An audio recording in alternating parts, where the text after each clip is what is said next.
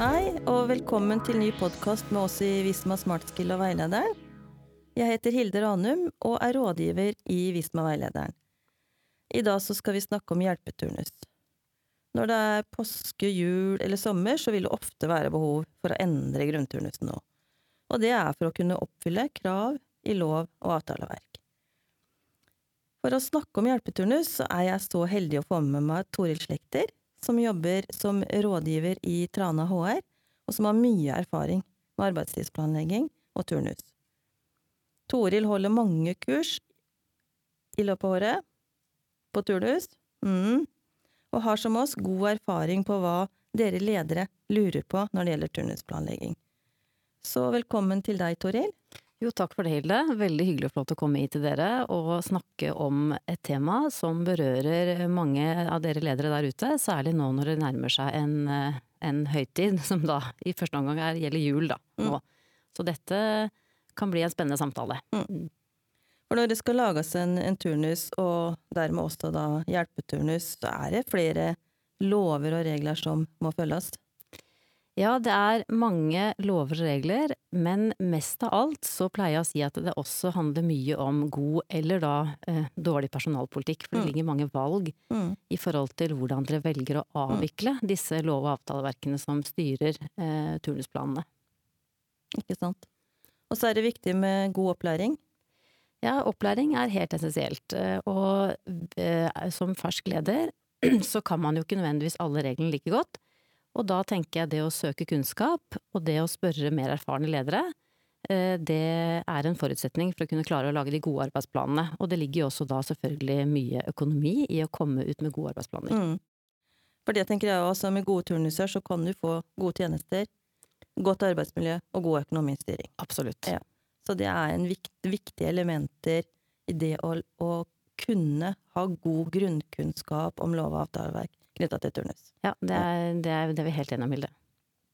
Eh, og, og, så er det jo som det du sier, det er jo mye personalpolitikk her også.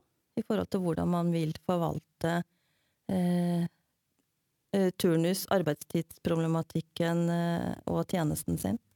Ja, det, det, er jo sånn at arbeidsplanene de er helt essensielle for å kunne drifte tjenesten på en god måte. Og det vil jo alltid være den viktigste indre faktoren, vil jo være pasientens behov, eller brukeren eller beboerens behov.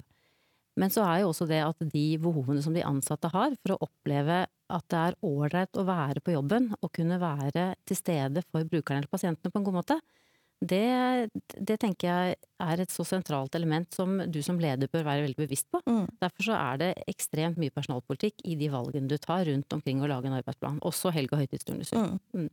Hva tenker du om prosessen? Hvordan, hvordan, bør den være for at han skal få til det her på en god måte?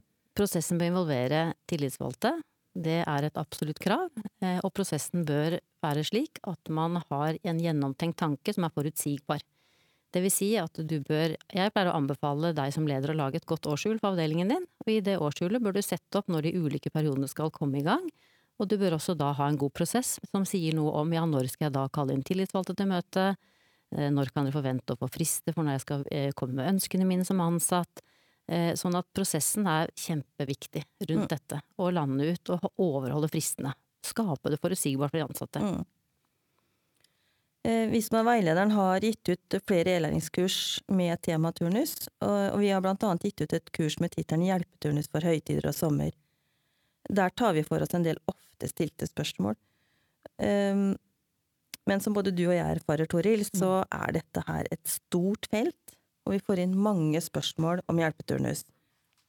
Ja, det er min erfaring òg. Jeg holder jo mye kurs, som du sa, Hilde, og de spørsmålene som jeg får fra dere ledere og tillitsvalgte og ansatte der ute, det spenner jo fra, fra A til Å, selv om det sier lite, så handler det om alt fra må det lages hjelpeturnus, kan man lage hjelpeturnus, kan jeg ikke lage hjelpeturnus, hva kan leder mm. si at jeg kan gjøre og ikke gjøre? i alle varianter. Så ja, det er et stort tema med mange spørsmål.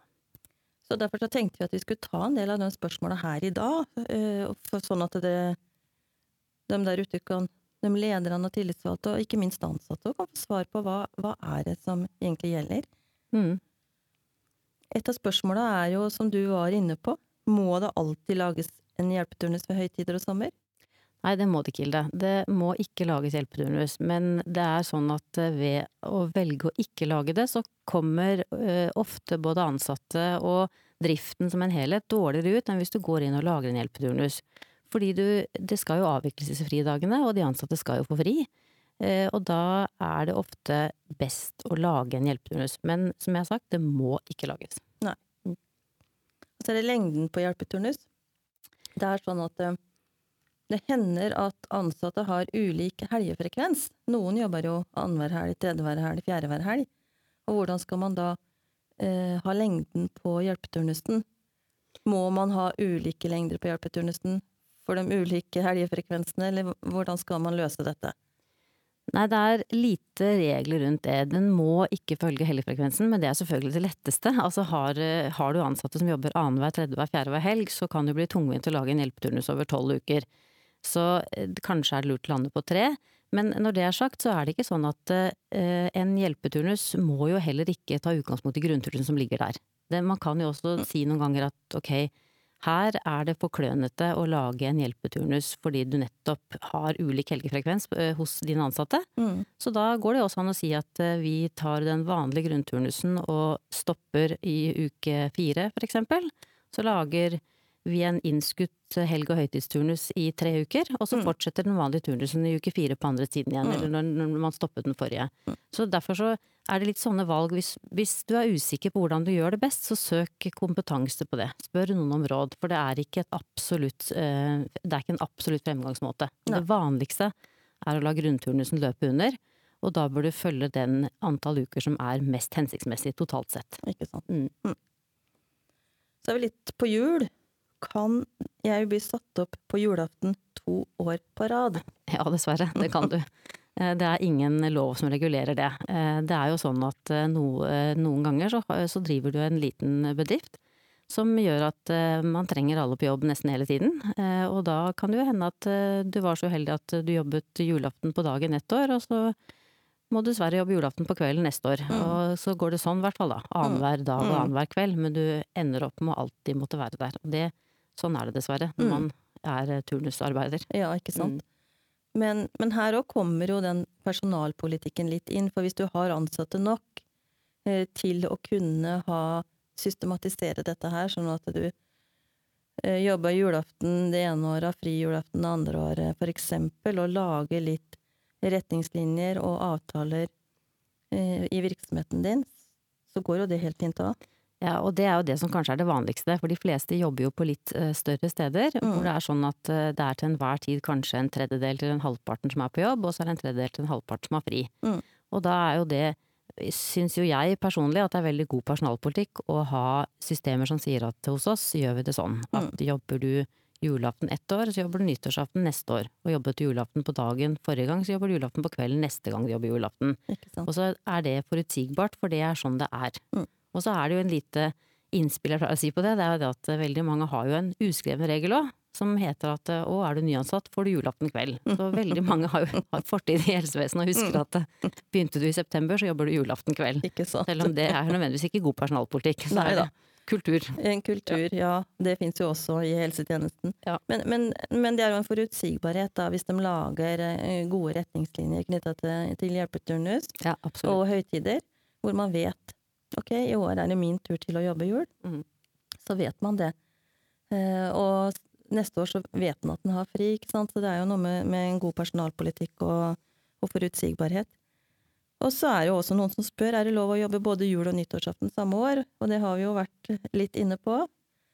Ja, det er også lov, Hilde. Mm, det er ikke mm. noe som regulerer det. Det er, det er denne personalpolitikken som vi stadig kommer mm. tilbake til, men eh, det er jo noen som ønsker det. Den Som sier at hvis jeg først ikke får reist, hvis de la oss si bor eh, vanligvis eller har familie langt unna, da. Hvis ikke de får reist tilbake fordi de må jobbe jul, så kan de like gjerne jobbe nyttår også. Det er lov. Ja. Så det er jo noe med å høre med ansatte. Ja. Hva ønsker dere? Så er jo, kommer man ofte godt ut ved at noen ønsker og noen ønsker ikke, og så lager man en god plan ut ifra det. Ja, og da hender det jo at jeg eh, møter dere ledere der ute som syns at det blir så tidkrevende. Så tidkrevende hvis jeg skal begynne å høre om alle folk hva de ønsker og ikke ønsker. Mm. Men da pleier jeg å si at det er mye mer tidkrevende etterpå å krangle mm. om en turnus som ingen opplever som god. Mm. Så ta den heller tiden i forkant. Det lønner seg alltid. Ja. Må tillitsvalgte godkjenne turnusen uansett? Nei, det må det ikke. Det kommer an på hvor mye endringer som er gjort.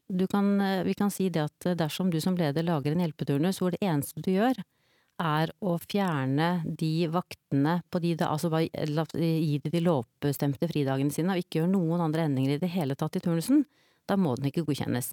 Men i det øyeblikket du begynner å flytte på noen vakter, og bytte om på dager de jobber og ikke jobber, så må den godkjennes på nytt. Mm. Må alle røde dager markeres med F3? Nei, det er en veldig vanlig oppfatning man har. Og da er det sånn at eh, de, de lovpålagte fridagene du har krav på, de skal settes opp med F3, for de må ikke jobbes igjen. Mm. Og hvis du da i tillegg kan gi flere fridager enn det på helligdager, som ikke skal jobbes igjen, så skal de også settes opp med F3. Fordi driften tillater det. Ja, fordi driften tillater det. Men dersom du ikke har krav på noe ekstra fridager i det hele tatt, og driften ikke tillater å gi det, så kan det hende at du kan gi en person fri på en rød dag allikevel, som du må jobbe igjen på en annen dag. Da skal den dagen markeres med F2, eller mm. eventuelt F1. Det kan mm. også stå på røde dager. Mm. Og så er vi litt eh, i påska, da. Påskeaften den betales som rød eh, dag hele dagen. Skal han telles som rød da hele dagen også da? Nei, påskeaften er litt uh, spesiell. Den er jo som en rød dag fordi at vi har tariffestet at vi har betaling som en rød dag hele dagen. Men i utgangspunktet så er det sånn at første påskedag starter klokka 15 på påskeaften. Mm. Så jobber du en dagvakt på påskeaften, så teller det ikke som du har jobbet på en rød dag. Mm. du jobber du en kveldsvakt, så har du egentlig jobbet første påskedag, og det teller som en rød dag. Mm. Så her er det litt viktig å skille mellom betalingsbestemmelsen Eh, og si, søndags- og helgedagsbestemmelsen på hva som er rød dag. Ja. Altså arbeidsmiljølovens bestemmelser knytta til røde dager og betalingsbestemmelsen som er regulert i tariffavtalen. Ja, og nå er du inne på noe som er litt vanskeligere, for det er det jo veldig mange som sliter med å skjønne ja. når er det rødt betalt, og når ja. er det rødt tellende. Mm. Og da finnes det jo heldigvis at man, man, kan slå på nettet, og så finnes det en god oversikt over hvordan disse dagene defineres. Mm. Som både sier hva sier arbeidsmiljøloven i forhold til tidspunktet de slår inn, og hva sier tariffavtalen i forhold til betaling. Mm. Mm. Veilederen har en veldig fin uh, oversikt over de ulike bestemmelsene, skjematisk satt opp. Veldig fint. Mm. Anbefaler mm. å bruke den. Ja, absolutt. Eh, og når vi da er inne på det temaet her, med, med påskeaften som er såkalt inneklemt, hva da med julaften når den kommer på mandag? Da er jo plutselig den inneklemt eh, mellom to røde dager. Skal den også betales da som en hel rød dag? Nei, julaften har ikke samme rettigheten knyttet til seg, fordi at den er jo ikke på samme dag alltid. Den varierer, den kan være på alle ukas dager. Mens påskeaften er spesiell fordi den alltid er på en lørdag. Mm. Mens julaften kan jo være både mandag, tirsdag, onsdag, torsdag. Ja. Så den vil aldri gi betalt annet enn etter klokka tolv, mm. som helligdagstillegg, da. Mm. mm. Og så er det noen som spør, eh, vi har vært litt inne på det, men det om å flytte vakter i turnus eh, når det skal lages en hjelpeturnus, er det lov? Ja, det er lov. Og da er vi tilbake til viktigheten av det årshjulet igjen. Fordi mm. at eh, når man skal lage en hjelpeturnus, så er det jo sånn at da må dere tenke at det skal være Da sies det at vernehensyn går foran økonomisk hensyn. Det betyr at man skal prøve å lage best mulig turnus for alle dine ansatte. Det er jobben. Og da kan det hende at eh, enkelte må ha fri en dag de har jobb, og jobbe en dag de har fri. Og derfor syns jeg det er så viktig å lage dette årshjulet, sånn at eh, jeg som ansatt da, kan vite at eh, ja, på min avdeling så vet jeg at fra da til da kommer det en hjelpeturnus for jul, fra da til da kommer det hjelpeturnus for påske. Og da kan jeg ikke være helt sikker på at turnusen min er som den pleier å være. Derfor så, så ja. skape forutsigbarhet for det uforutsigbare, tenker ja, jeg. Ja. Så ja, det er lov til å flytte på vakter i en hjelpeturnus. Mm. Det er jo også god personalpolitikk å vite, at da, da, kan det bli endringer, og det må vi være forberedt på. Ja, absolutt. Mm. Så er vi litt på sommeren, da, fordi hjelpeturnus kan jo lages, som vi har nevnt, både jul og påske og sommer, eh, når, når, når kanskje den vanlige bemanninga trengs å, å, gjøres noen justeringer med. Og da får vi et spørsmål om ansatte kan jobbe oftere helg på sommeren. Det kan de også, Hilde. Mm. Det er det jo mange som lurer på. Og det er jo da sånn at eh, det er fullt mulig å lage en sommerturnus hvor ansatte jobber annenhver helg. Mm. Da pleier jeg å si eh, til dere ledere ute, og tillitsvalgte og ansatte òg, eh, at da er det ett måte, flagg som er viktig å huske på. Og det er det må ses opp mot det trekket som er gjort i juni. For det, de fleste arbeidsplasser har det sånn at eh, trekket, ferietrekket gjøres i juni. Da trekkes både grunnlønn og til ubekvemstillegg. Mm. Og hvis eh, du da ender opp med å lage en sommerturnus hvor de, eh, hvor de ansatte jobber mer helger enn de jobber til vanlig, så er det viktig å tenke at da må det, denne turnusen beregnes godt på nytt igjen, så ikke ansatte trekkes for et tillegg og fritid som ikke de får i sommerturnusen. Ja. Så det er det eneste Mm. store tankekorset her å passe på, men det handler om økonomi, men det er jo viktig for folk. Ja da, det er jo Mm. viktig det òg, så det er jo at man har med seg det perspektivet også. Ja. Men det er lov å kunne jobbe oftere? Ja, det er lov, for det loven sier jo bare at det er, du skal ikke kunne pålegges jobbe oftere enn Mm. annenhver helg. Og så har vi gjerne ofte tariffavtaler som ikke nødvendigvis regulerer helgefrekvensen, men som har en tradisjon og en historikk tilbake som sier at det, det vanlige her er å jobbe tredje hver helg, eller fjerde hver helg. Og, og så er det jo noen som har turnusavtaler, altså som faktisk har inngått avtaler eh, lokalt på, på, på, i kommunen. Eh, Ofte er det jo en overordna turnusavtale, men det er jo vi- også viktig at de vet om og kan noe om disse lederne ute som skal jobbe med turnus. Om det er noe der som de må passe på som regulerer hvordan de skal utarbeide turnusen. Oppsigelsesfrister, eh, at det er, kan være noe der som de også må vite om. Ja, det er, jo, det er jo veldig vanlig at man har de avtalene, og det er nødvendig, fordi Mm. at eh, tariffavtalene sier ofte det generelle, og så er det jo de lokale avtalene som går inn og sier ja, ja, vi, ok, vi har inngått en avtale med gjennomsnittsberegning, Mm. men for hvor, hvor lang kan en uke være, hvor lang kan en vakt være, hvor kort kan en hvileperiode være, Mm. og det ligger jo i de lokale avtalene, Ja. og derfor så er det viktig å se til de avtalene før man lager turnusplanen. Mm. Da har vi gjennomgått en del av de spørsmåla som vi oftest får. Eh, Og det håper jeg er veldig nyttig for eh, ledere og tillitsvalgte der ute. Eh, Og så er det det med at det er viktig med forutsigbarhet, god personalpolitikk, god prosess, og kunne love avtaleverk før man begynner med turnus. Ja, det er jeg helt enig med deg, Hilde. Mm. Ja. Da lykkes de godt. Ja, det, forhåpentligvis gjør det det. Ja. Da takker jeg deg så veldig mye, Toril, for at du ville stille opp her i dag og dele kunnskapen din med oss. Jo, takk for at jeg fikk komme, og lykke til med turnusene deres. Ja, Ja. takk. Og takk for i dag.